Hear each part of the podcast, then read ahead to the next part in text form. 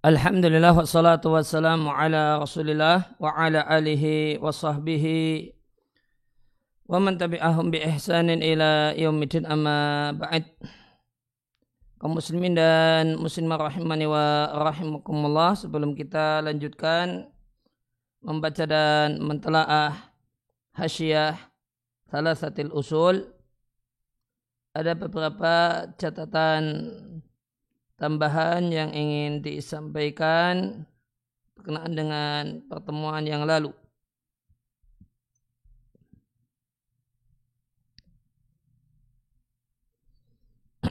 yang pertama adalah di halaman 21 tentang hadis Anharul Jannati fi ghairi ukhdudin Sungai surga itu tidak memakai cekungan. Di sini hadis terkait dengan hal ini di antaranya dijumpai di di Al-Bidayah wa Nihaya karya Ibnu Katsir ada pembahasan tentang dikru anharil jannati wa asyariha wa thimariha.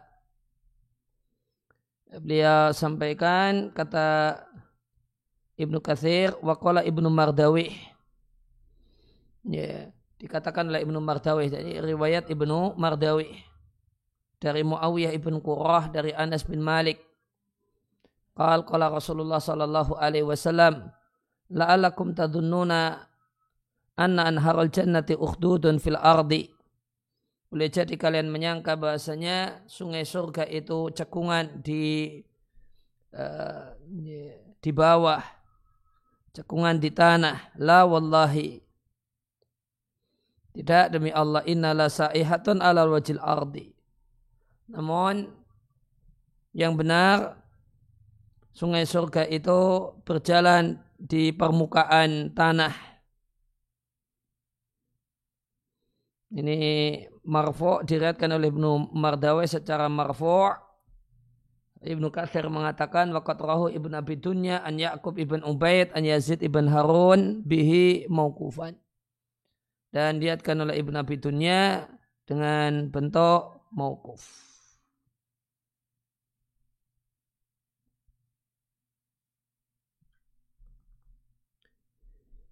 Ya, kemudian catatan yang kedua yang kemarin dijanjikan berkenaan dengan makna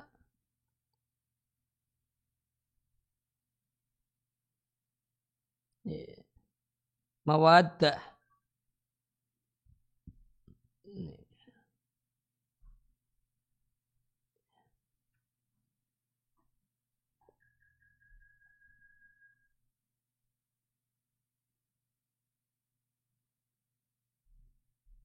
ya, berkaitan dengan halaman 19 ya maka dilarang mualah. Dilarang memberikan keperpihakan kepada non muslim dan yang dimaksud dengan mualah adalah muadah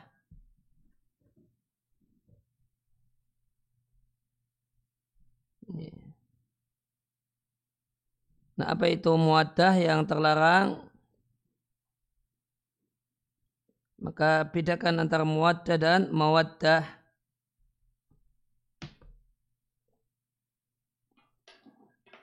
Ya, penjelasan bagus tentang hal ini ada di Fathu Dzil Jalali wal Ikram bi Syarhi Buluhul Maram karya Syekh Muhammad Ibn Salah Al Utsaimin rahimallahu taala di jilid yang kelima di jilid yang kelima di Kitabul Janais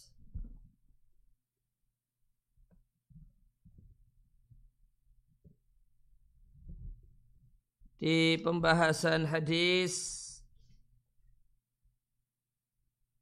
tentang meninggalnya Abdullah bin Ubay ibn Salul. Maka tatkala Abdullah bin Ubay bin Salul meninggal anaknya yang merupakan seorang yang beriman datang menemui Nabi dan mengatakan eh, wahai Rasulullah berikan padaku eh, gamismu akan aku gunakan untuk mengkafani ayahku. Lantas Nabi memberikannya.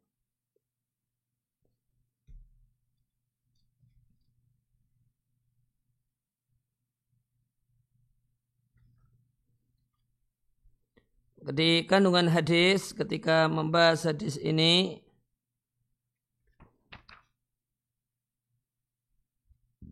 Saya Ibnu Thaimin rahimahullah ta'ala mengatakan ya, karena hadis ini menunjukkan rasa cinta Abdullah sang anak yang merupakan orang yang beriman kepada ayahnya.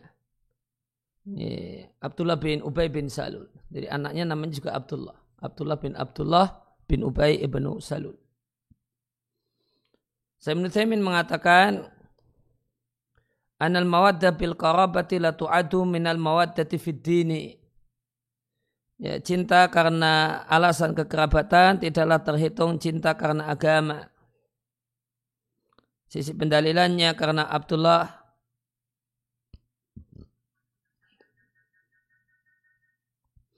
itu meminta ya, gamis Nabi untuk ayahnya tidaklah meminta gamis Nabi untuk ayahnya kecuali karena rasa cintanya. Rasa cinta dan keinginan agar Allah meringankan seksaan untuk ayahnya.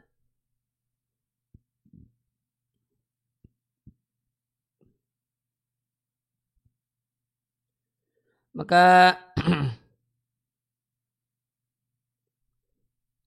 kemudian beliau mengkaitkannya dengan ayat la tajidu qauman yu'minu billahi wal yaumil akhir yuwadduna man hadallah. Maka kata beliau kata Ibnu Thaimin rahimallahu taala anal muaddah syai'un wal mahabbah atabiyah allati muqtadahal qarabatu syai'un akhar muaddah itu satu hal dan mahabbah yaitu rasa cinta yang alami karena faktor hubungan darah dan kekerabatan itu sesuatu yang lain. Kemudian sudah definisikan definisi muaddah. Fal muaddu maka orang yang ada pada dirinya muaddah walladhi yas'a fi talabil mawaddati aktsara mimma taqtadihil fitratu orang yang berupaya untuk mendapatkan simpati dan cinta orang lain lebih dari tindakan yang ye, perlu dilakukan secara normal dan wajar. Ya, maka itu namanya muaddah. Jadi upaya agar mendapatkan simpati dan cinta nah, lebih dari apa yang menjadi kewajaran. Artinya kalau ini kalau sekedar biasa saja standar ya, ya, biasa standar wajar umumnya nah, itu uh, itu namanya mahabbah Ya umumnya anak sama ayahnya demikian. Wajarnya anak kepada ayahnya demikian. Padahal ayahnya non muslim. Namun kalau masih wajarnya, layaknya, normalnya, standarnya, ah, itu masih mahabbah tabi'iyah. Yeah. Tapi kalau ya, yang disebut dengan iwadu naman hadallah wa rasulah itu tindakannya lebih dari wajar, lebih dari normal, lebih dari standar, lebih dari umumnya.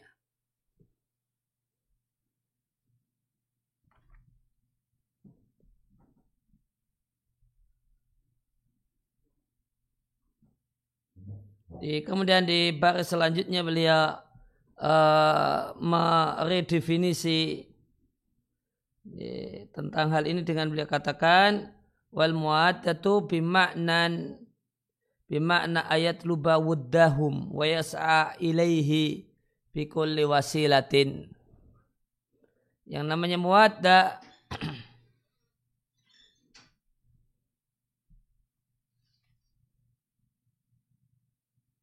Yang namanya wadu nama hadallaha. Itu artinya adalah berupaya untuk mendapatkan simpati dan cinta mereka yas'a ilaihi dan berupaya untuk mendapatkannya bikuli wasilatin dengan semua sarana. Semua sarana yang bisa. Ya, untuk kemudian mendapatkan cinta simpati dan perhatiannya nah ini disebut muaddah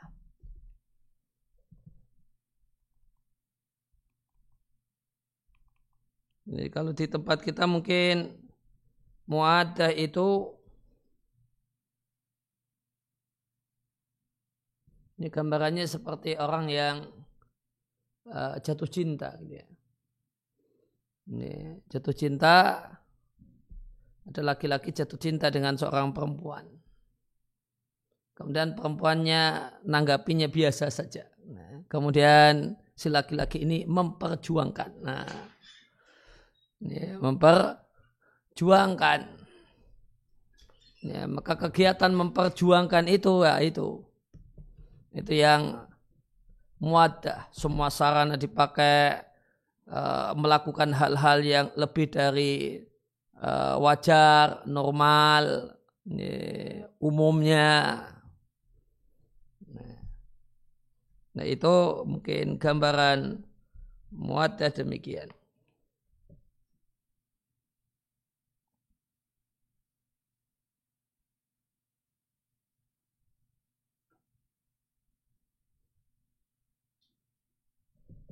Itu penjelasan bagus dan menarik dari Syekh Muthaimin di Fatah Dzil Jalali wal Ikram.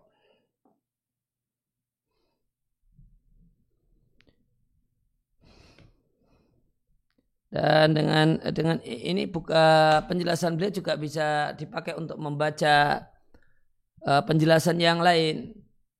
Itu penjelasan yang lain tentang Nah, bedakan antara mahabbah tabi'iyah sama mahabbah ghair tabi'iyah. Ya, atau mahabbah syariah. Ya, kalau mahabbah tabi'iyah tidak boleh. Mahabbah syariah, mahabbah hadiniyah. Nah, itu yang tidak boleh untuk non-muslim. nah, uh, mahabbah diniyah atau syariah yang tidak boleh untuk non-muslim tuh bentuknya seperti apa. itu sering terlalu abstrak. Hmm. Kalau berdasarkan penjelasan Syekh Ibn Thaymin rahimallahu ta'ala, ya, itu tadi yang disebut dengan muadah itu tadi. Itu itu berarti mahabahnya mahabah diniyah. Mahabahnya sudah mahabah syariah dan ini ketika ini ditujukan kepada non muslim ini tidak boleh. Jadi kalau aktivitas yang wajarnya tetangga sama tetangga sama kerabat yaitu sama ya, orang yang dikenal. Ya maka sikap-sikap itu sikap-sikap yang masih dalam batas boleh. Namun wajar normal di sini tapi ingat tolak ukurnya tolak ukur syar'i. Bukan tolak ukur murni budaya. Ya. Maka mungkin ya, sehingga di antara bentuk muadah bisa kita katakan misalnya ucapan selamat pada e, non muslim berkenaan dengan hari rayanya. Ini kalau pakai standar standar agama ah, ini sudah di atas kewajaran. Kalau wajarnya ya baik saja dengan tetangga, non muslim, tidak perlu tapi ya bisa jadi kirim makanan, kirim hadiah, nyapa, menyapa dan seterusnya, tapi tidak perlu uh, mengucapkan selamat ini dan itu. Itu di atas kewajaran. dan yang boleh adalah yang sekedar wajar.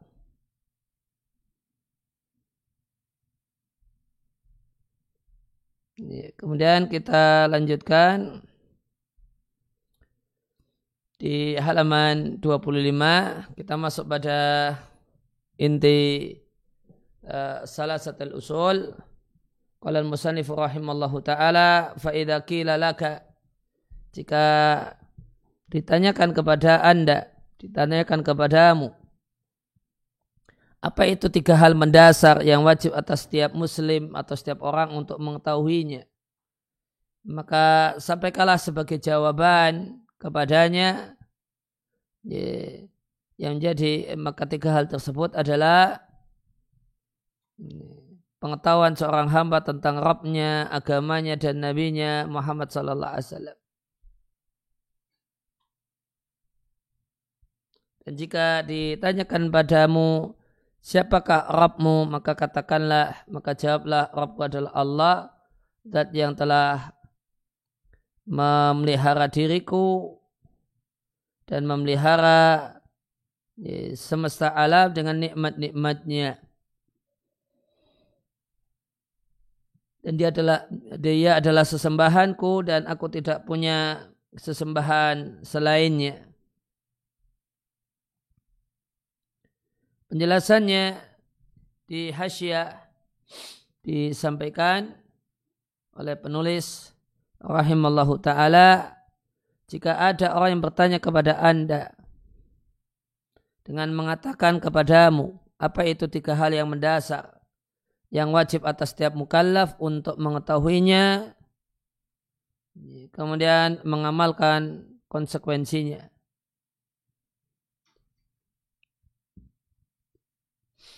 Maka tadi jawabannya mengenal Allah, mengenal Rabb. Caranya bima ta'arafa bihi dengan hal-hal yang dengannya Allah mengenalkan dirinya kepada hamba. Ya, Allah kenalkan dirinya dengan menyampaikan sejumlah hal dalam kitabnya dalam lisan Rasulnya Sallallahu Alaihi Wasallam. Allah sampaikan tentang keesaannya, nama dan sifatnya.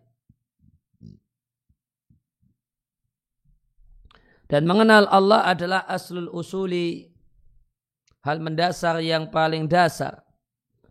Wajib atas kita semua untuk mengetahuinya supaya kita menyembah Allah berdasarkan ilmu dan yakin. Tentang kemudian agama, mengenal agama. Agama adalah hal yang Allah ya, memerintahkan kita untuk menyembahnya dengannya.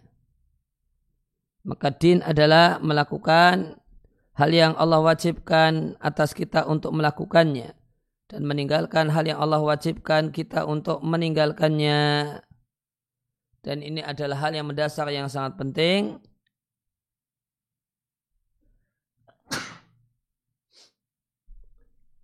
Wajib atas kita untuk mengetahuinya. Kemudian mengenal Nabi. Fa'ina maka sang Nabi adalah perantara antara kita dengan Allah Azza wa Jalla. Yaitu perantara dalam menyampaikan pesan. Pesan-pesan kerasulan. Dan tidak ada jalan bagi kita untuk mengenal agama. Yang agama tadi adalah mata abadana bihi. Hal yang Allah memerintahkan kita untuk beribadah kepadanya dengannya. Ini sama dengan agama. Tidak ada jalan bagi kita untuk bisa mengenal agama atau ibadah kepada Allah kecuali dengan ajaran sang Nabi Sallallahu Alaihi Wasallam. Dan sang Nabi meskipun beliau adalah manusia, namun urgensi mengetahuinya adalah dikarenakan urgensi mengetahui siapa yang mengutusnya dan ajaran yang dia diutus dengan membawanya. Maka di sini Musonib rahimahullah ta'ala menyebutkan tiga hal yang mendasar ini secara global, kemudian wadakaraha ba'du mufassalatan dan akan menyebutkan setelahnya secara rinci satu demi satu dalam rangka menyempurnakan faedah. Kenapa ini dilakukan global kemudian rinci dalam rangka terwujud faedah yang sempurna. Watan syaitan lil qari'i dan untuk menyemangati pembaca. Fa inna idza arfaha mujmalatan karena jika seorang telah mengetahui tiga hal ini secara global, mengetahui lafadznya, kemudian menguasainya, maka tersila, tersisalah mutasyawiqan, penasaran untuk mengetahui makna kandungannya. Wahadi dan poin ini adalah yang menjadi maksud dari hadihin nubdah, tulisan ringkas ini. Wa ma taqaddama minal masail. Adapun masail-masail yang telah lewat. Maka kata beliau fala'alla ba'da talamidhihi qaranaha biha. Maka kemungkinan besar sebagian murid saya Muhammad menempelkannya dengannya menggandengkannya dengannya. Maka di sini disampaikan oleh penulis hasyiah bahwasanya uh, pembahasan yang lewat tentang arba'u masail, salah masail, kemudian uh, risalah tentang Hanifiyah.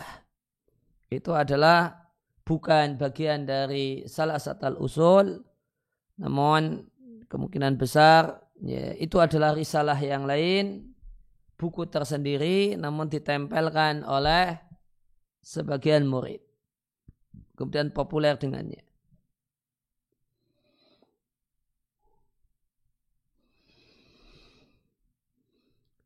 Ya, kemudian jika ditanyakan padamu siapakah Rabbmu, ini adalah suruh suruhun mulai merinci tiga hal yang mendasar yang telah lewat secara global. Maka disebutkan di sini secara rinci. Faka'anahu qal seakan-akan penulis mengatakan ya, hal mendasar yang pertama dari tiga hal yang mendasar dalam agama yang wajib atas seorang hamba untuk mengetahuinya. Jika ditanyakan kepada anda, jika qala laka qailun ada orang yang bertanya, man rabbuka? Ay man khalikuka siapakah yang menciptakanmu dan berikan rezeki kepadamu dan sesembahanmu? Yang engkau tidak punya sesembahan selainnya. Maka jawablah Rabbku adalah Allah yang menciptakanku dan dialah yang memilikiku dan dialah yang sesembahanku. Dialah yang mau menciptakanku dari ketiadaan dan dialah yang memeliharaku dengan berbagai macam nikmat baik nikmat zahirah nikmat zahirah sama dengan nikmat dunia sama dengan nikmat fisik sama dengan dalam bahasa Ibn Al-Qayyim nikmat muqayyadah. Ya, berupa uh, bernapas, makan, minum. Ya. Demikian juga Allah memelihara makhluknya dan ini pemeliharaan untuk khusus untuk orang-orang yang beriman dengan nikmat batinah. Nikmat batin sama dengan nikmat agama, sama dengan nikmat akhirat, sama dengan nikmat mutlaqah. Ya berupa diberi kemudahan. Ya, untuk taat diberi kemudahan untuk melakukan amal kebajikan dan seterusnya.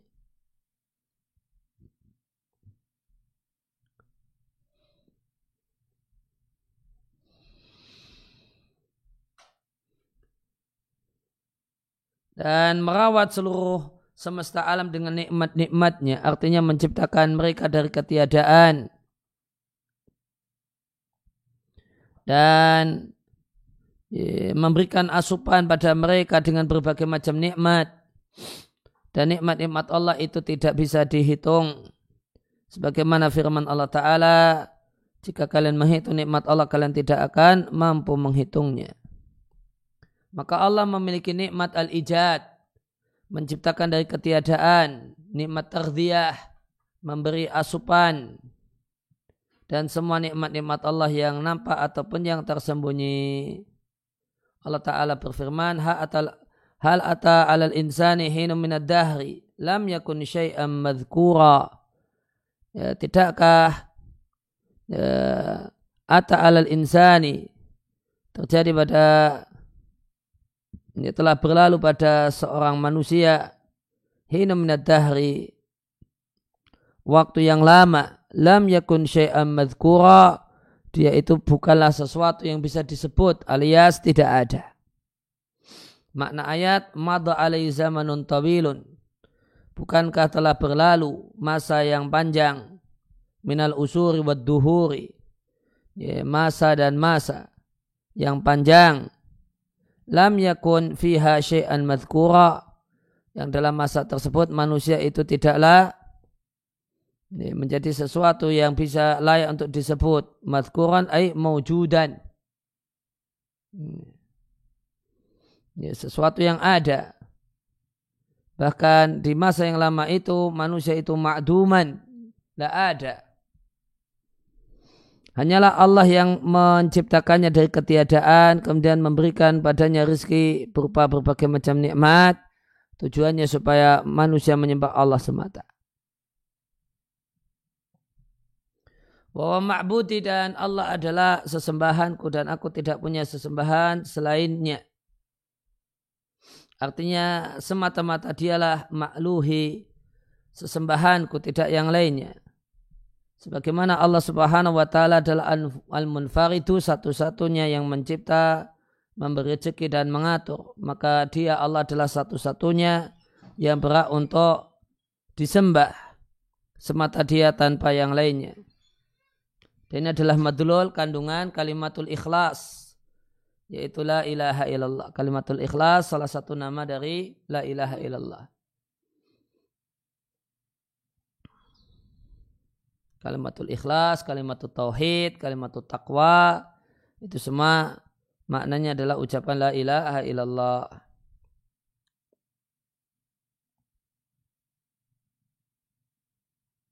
Wa dalilu qauluhu ta'ala dan dalilnya firman Allah Ta'ala Alhamdulillahi Rabbil Alamin Segala puji milik Allah Rabb semesta alam Wa kuluman siwallahi alamun Dan segala sesuatu selain Allah adalah alam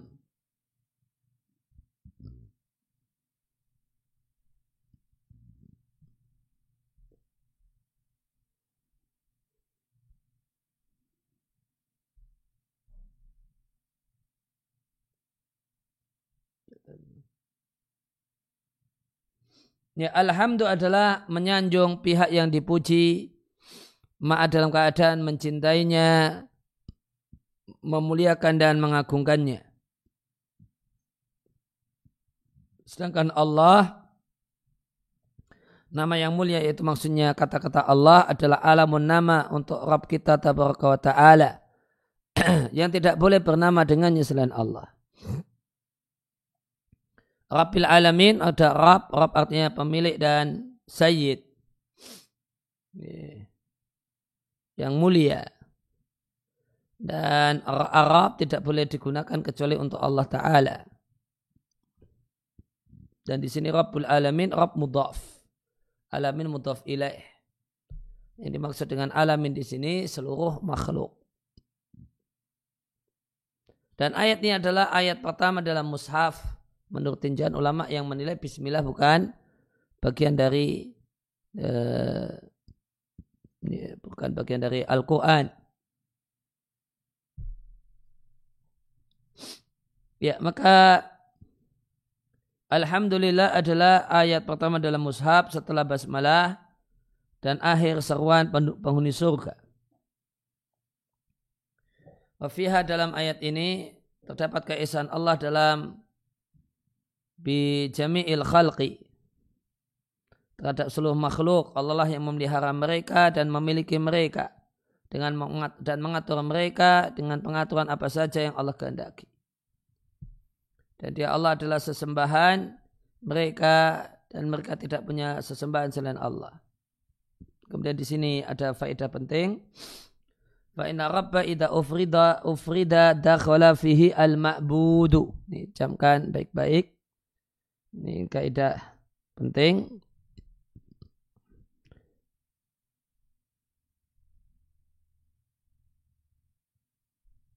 Bahasanya kata-kata Arab jika disebut sendirian tanpa Allah atau tanpa ilah maka masuk dalamnya uh, ma'bud sesembahan. Maka penulis Hasia menyampaikan bahasanya Rab dan Ilah itu dua kata. Yang jika disebut keduanya dalam satu teks, maka maknanya berbeda.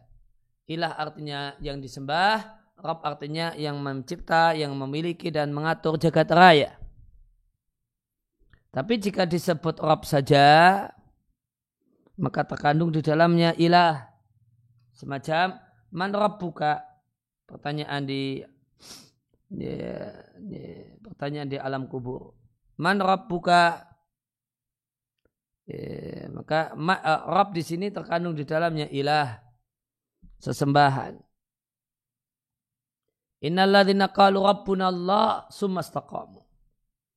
Rabbuna Allah itu sendirian disebut sehingga terkandung di dalamnya makna ilah. Maka Rab jika disebut sendirian tercakup di dalamnya al-ma'bud. Zat yang disembah. Wawal maliku al-mutasarifu al-ma'budu wahdahu. Maka Allah adalah sang pemilik, sang pengatur dan sesembahan satu-satunya tunaku liman siwahu tanpa lainnya. Kemudian alamun jamaknya awalim atau alimun Ya, karena wujud yang ada adalah dua, Rab dan Marbub. Maka Rab adalah sang pemilik subhanahu wa ta'ala. Satu-satunya al-mutafaridu birububiyati wal ilahiyati. Ya, satu-satunya Rab, satu-satunya yang mencipta, memiliki dan mengatur dan satu-satunya ilah. Dan yang di, dipelihara, yang diatur adalah alam Wawa dan alam di sini adalah kuluman semua selain Allah. Min jamil khalaiq yaitu semua makhluk.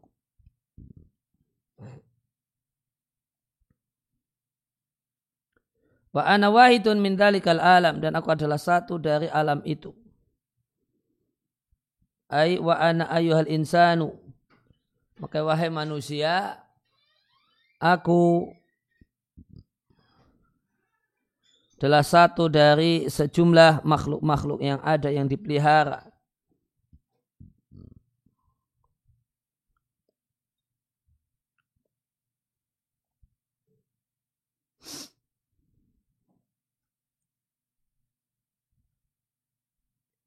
Al-muta'abbadah yang diperintahkan untuk beribadah. Bahasanya Allah semata dialah sesembahannya semata.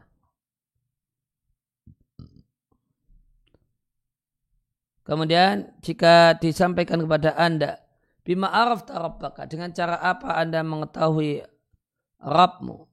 Maka katakanlah dengan ayatnya dan makhluk ciptaannya.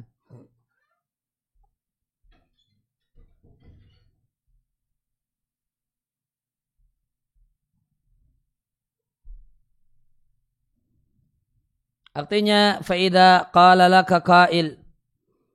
Jika ada orang yang bertanya bima istatlalta bihi ala ma'rifatika rabbaka?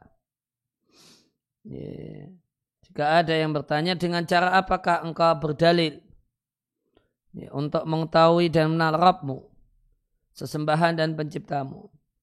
Maka sampaikanlah ya, araftuhu aku mengenalinya dengan ayat dan makhluknya yang telah Allah pasang sebagai dalil sebagai bukti keesaannya dan keesaannya dalam rububiyah dan ilahiyah.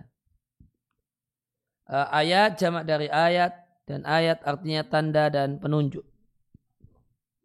Burhan bukti wal hujatu dan hujah. Dan makhluk awal makhlukan jamak dari makhluk. Itulah yang mewujudkan ba'dal adam setelah ketiadaan. Ayat Rabb subhanahu artinya dalalatuhu Yeah. Buktinya.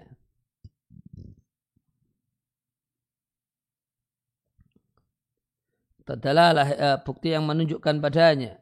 Wa barahin dan burhan bukti yang alat tibiha ya'rifuhu alibad yang dengannya maka para hamba mengenalinya, mengenali Allah. Dan mereka mengenal nama dan sifat Allah, mengisahkan Allah dan perintah dan larangan Allah.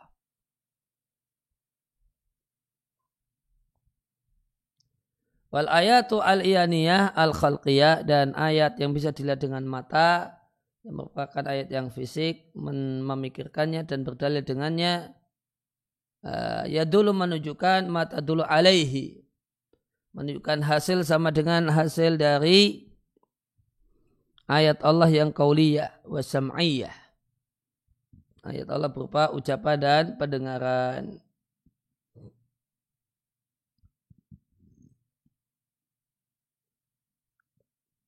Dan Rasul itu menginformasikan tentangnya dengan perkataannya yang dia sampaikan. Ya, dengan firmannya yang Allah firmankan. Inilah ayat kauliyah. Maka mereka mendalil hal itu dengan maf'ulat.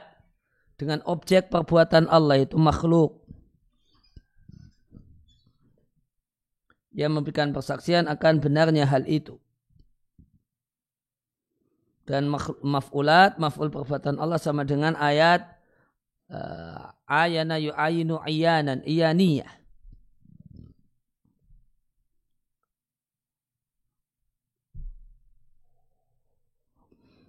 Ya, maka di sini disampaikan ada dua jenis ayat Allah. Yang pertama ayat khalqiyah, nama lainnya iyaniyah.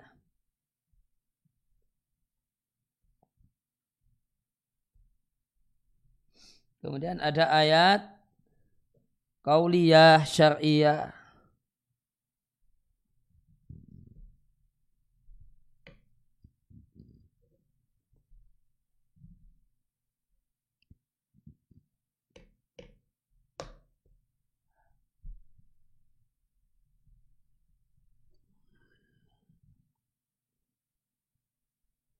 Ya, maka uh, hasil dari ayat uh, khalqiyah sama ayat kauniyah itu sama.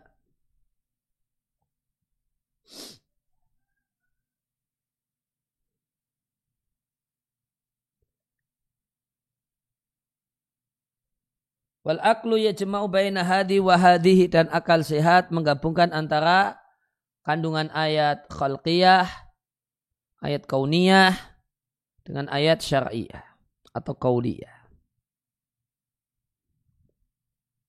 Maka akal menegaskan benarnya apa yang dibawa oleh para rasul. Sehingga ada titik temu persaksian yang diberikan oleh pendengaran dan penglihatan, akal dan fitrah. Dan segala sesuatu baik ayatnya ataupun makhluk ciptaannya.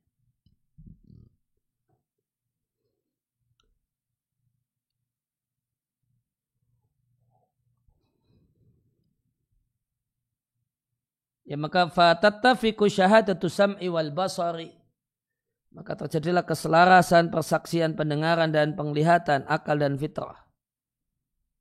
Dan segala sesuatu dari ayat dan makhluk Allah. Wa intaqa meskipun kecil.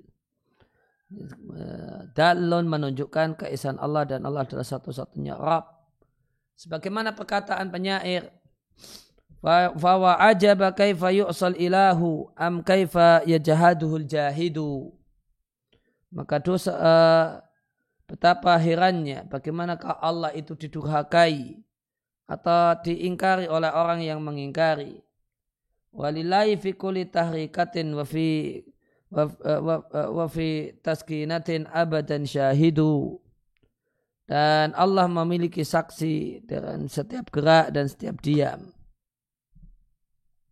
Wa fi kulli syai'in lahu ayah tadulu ala annahu wahidu dan segala sesuatu itu menjadi ayat bagi Allah yang menunjukkan kalau Allah adalah zat yang esa.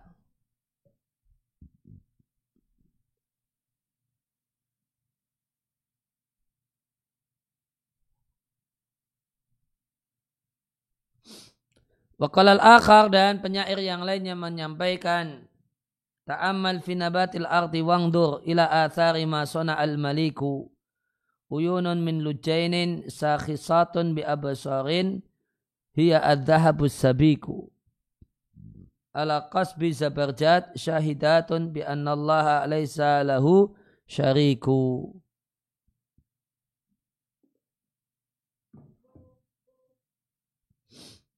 Renungkanlah tumbuh-tumbuhan bumi dan lihatlah. Al-athari masona jejak apa yang dibuat oleh al-maliku sang raja. Uyunon mata air min lujain dari perak.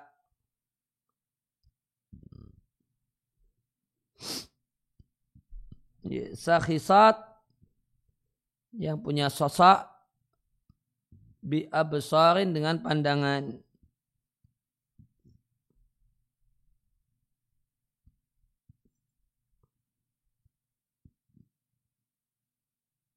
Itulah dia adalah ad-dhahabus sabiku.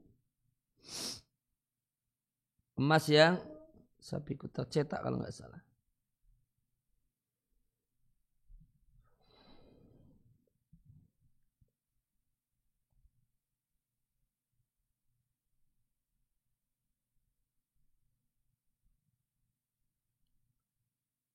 Uh, bersabik al khalis min al khubas sudah bersih dari karat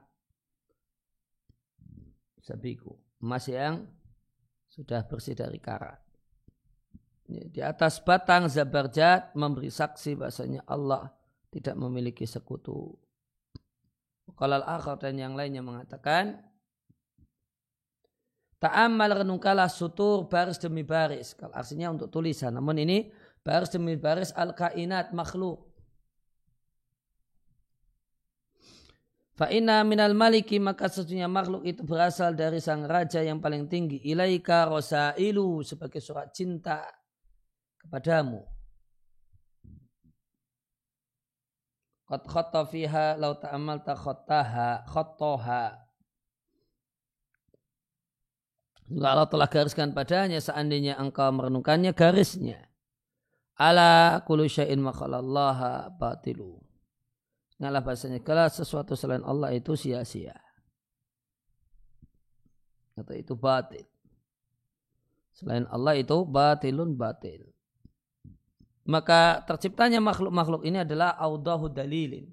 Dalil paling gamblang akan adanya sang pencipta Allah tabaraka wa ta'ala. Dan keesaannya sebagai satu-satunya Rab, satu-satunya sesembahan.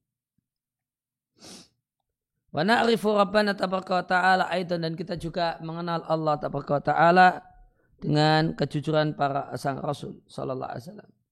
Wabitur dengan jalan-jalan yang menunjukkan hal itu dan itu banyak.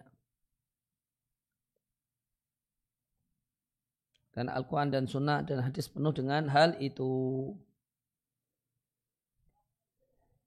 Kemudian kembali ke matan wa min ayatihi dan di antara tanda kekuasaan Allah adalah malam dan siang, matahari dan rembulan. Dan di antara makhluk ciptaan Allah adalah matahari, uh, langit yang tujuh dan bumi yang tujuh. Dan semua apa yang ada di antara keduanya dan apa yang ada di sekeliling uh, langit yang tujuh dan bumi yang tujuh dan semua makhluk yang ada padanya dan apa makhluk yang ada di antara keduanya.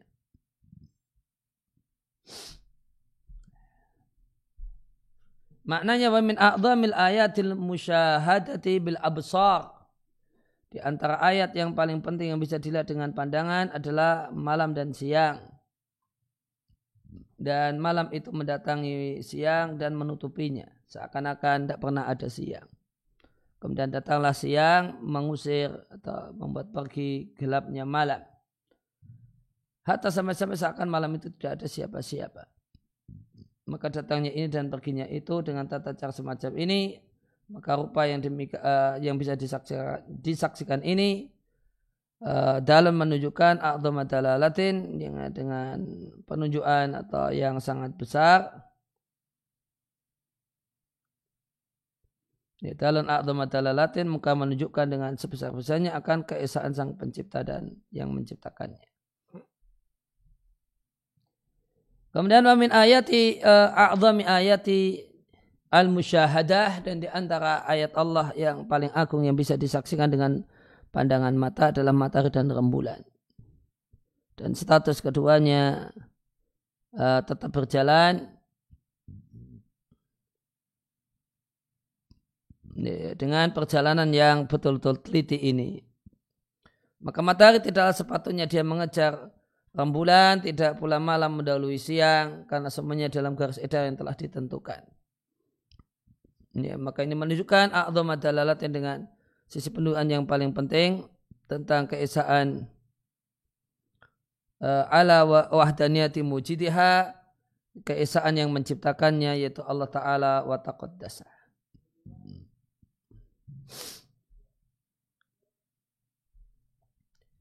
Kemudian wamin a'zami makhlukatillah dan di antara makhluk Allah yang paling agung yang memberikan kesan Allah Ta'ala adalah langit yang tujuh dan dia luas, dia tinggi dan bumi yang tujuh. Tidak duha eh, dan eh, terhamparnya dan luasnya penjurunya. Dan apa yang terdapat dalam tujuh berupa bintang-bintang yang terang dan ayat-ayat yang mencengangkan. Dan apa yang ada di muka bumi berupa binatang buas. Eh, wa ma fil uh, fil ardina sab'i dan apa yang terdapat di, di bumi yang berlapis tujuh berupa gunung-gunung wal bihar dan lautan dan berbagai macam makhluk. Berupa hewan dan tumbuh-tumbuhan dan semua yang ada dan semua apa yang ada di langit dan di bumi minal ahwiyah apa ini ahwiyah wasahab dan mendung dan yang lainnya dalam menunjukkan akan keesaan sang pencipta Jalla wa'ala dan dia adalah tafaruti satu-satunya yang mencipta dan mengatur alam semesta.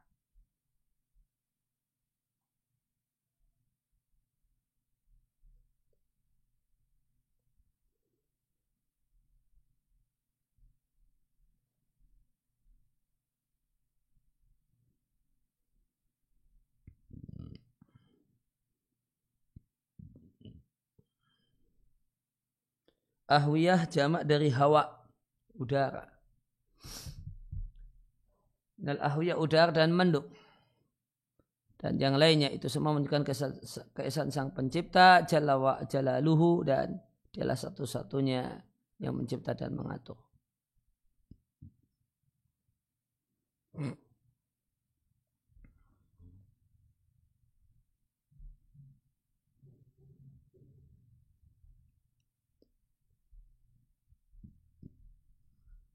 Kemudian Wadalilu dan dalilnya adalah firman Allah Ta'ala dan di antara ayat-ayat Allah dalam malam dan siang, matahari dan rembulan. Janganlah kalian bersujud pada matahari, jangan pula pada rembulan, sujudlah kepada Allah yang menciptakan mereka semua jika kalian betul-betul hanya menyembahnya. Maknanya wamin hujaji di antara hujah keesaan Allah Ta'ala dan bukti keesaan Allah Ta'ala yang menunjukkan apa yang disampaikan oleh musannif.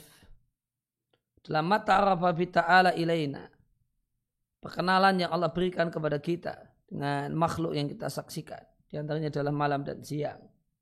Datangnya ini dan perginya itu adalah tanda kekuasaan Allah dan hikmahnya yang menunjukkan keesaannya. Maka matahari dan rembulan adalah dua makhluk yang tunduk yang terus menerus berjalan yang menunjukkan keesaan Allah Ta'ala dalam mencipta dan mengatur. Dan ini adalah sisi pendalilan musanib dengan ayat ini dalam uh, hal ini. Maka janganlah bersujud uh, maka bersujud kepada Allah.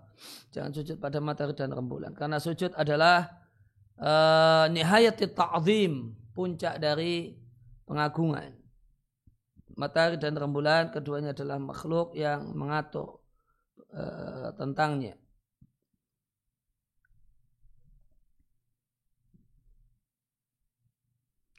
Ya, karena sujud adalah pengagungan e, puncak pengagungan matahari dan rembulan dua makhluk yang Allah itu bisa mengatur-ngatur padanya. Dan Allah akan menimpakan kepadanya perubahan. Ini dengan maka keduanya tidaklah berhak untuk ayat judalahuma bersujud kepada keduanya matahari dan rembulan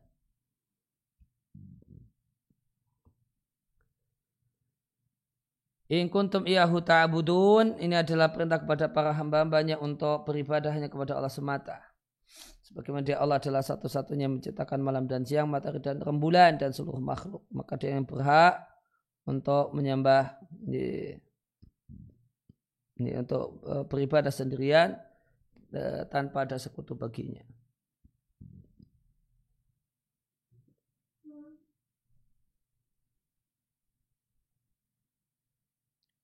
Kemudian yang keempat, ya.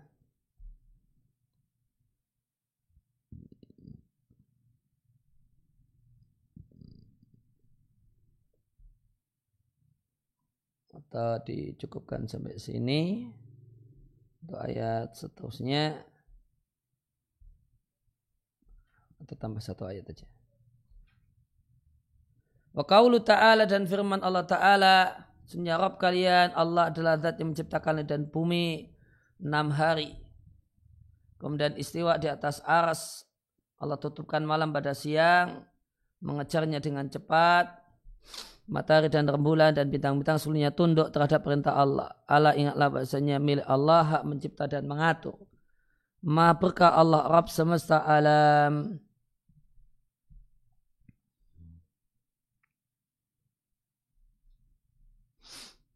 Maknanya wa min a'zamid dalail. Di antara dalil yang paling penting.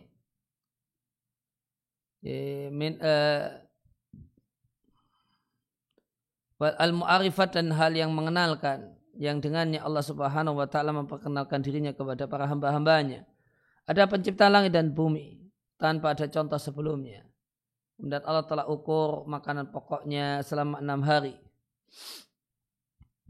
wa aslul khalqi dan makna asal dari pen, penciptaan adalah ijadul ma'dum mewujudkan sesuatu yang semulanya tidak ada ala takdir supaya kemudian tetap dalam satu ukuran.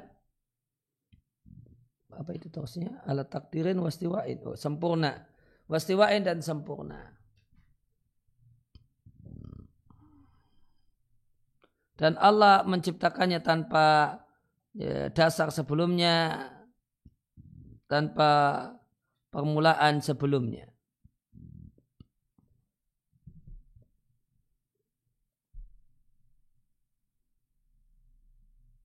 Allah Ta'ala berfirman, Badi usamawati wa ard. Badi adalah penciptaan tanpa ada contoh sebelumnya. Fatir samawati wa ard, pencipta langit dan bumi.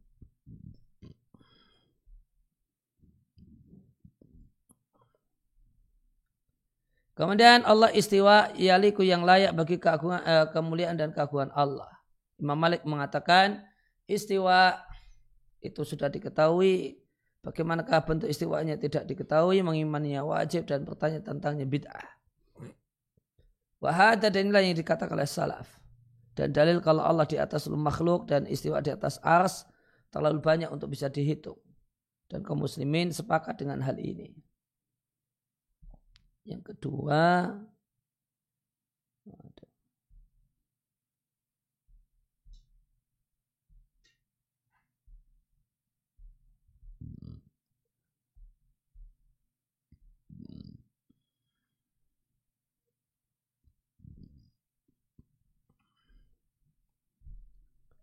mana? Istiwa tadi ya.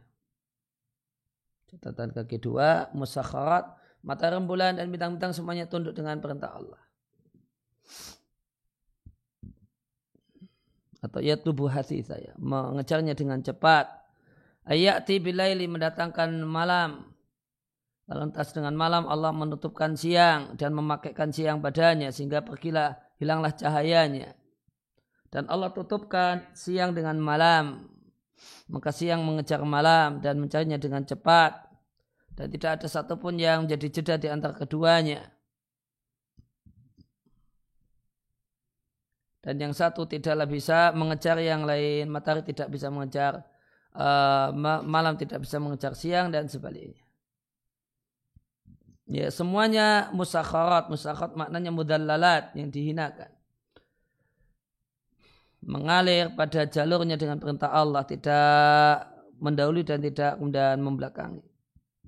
Dan jika Anda jumpai uh, alam semacam ini, engkau jumpai al-asan ini wa atamihi.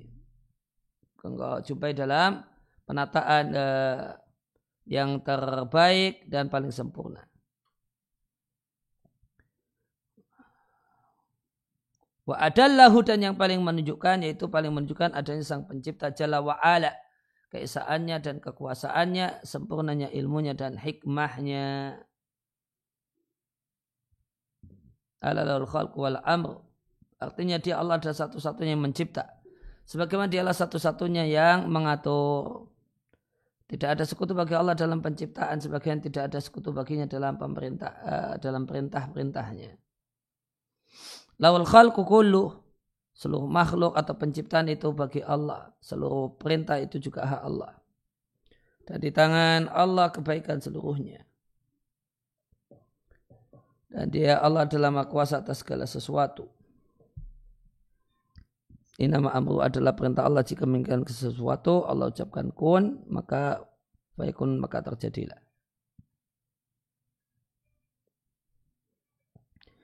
Tabarakallah Rabbul Alamin maknanya balagha fil barakati nihayataha. Keberkahannya sudah sampai puncaknya.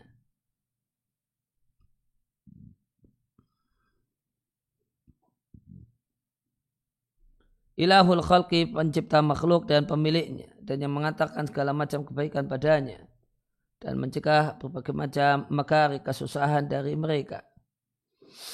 Ya al-mutafarid satu-satunya yang menciptakan dan mengatur. Ala ingatlah uh, la ilaha illahu uh, la ilaha illahu wala tidak ada ilah kecuali dia Allah tidak ada Rabb kecuali selain dia Allah.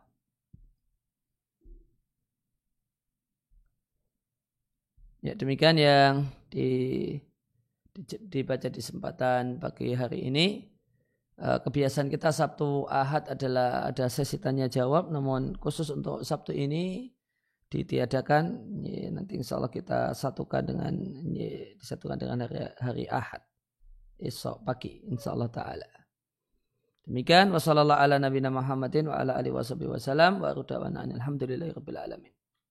Subhanakallahumma wa bihamdika asyhadu an la ilaha illa anta astaghfiruka wa atubu ilaik.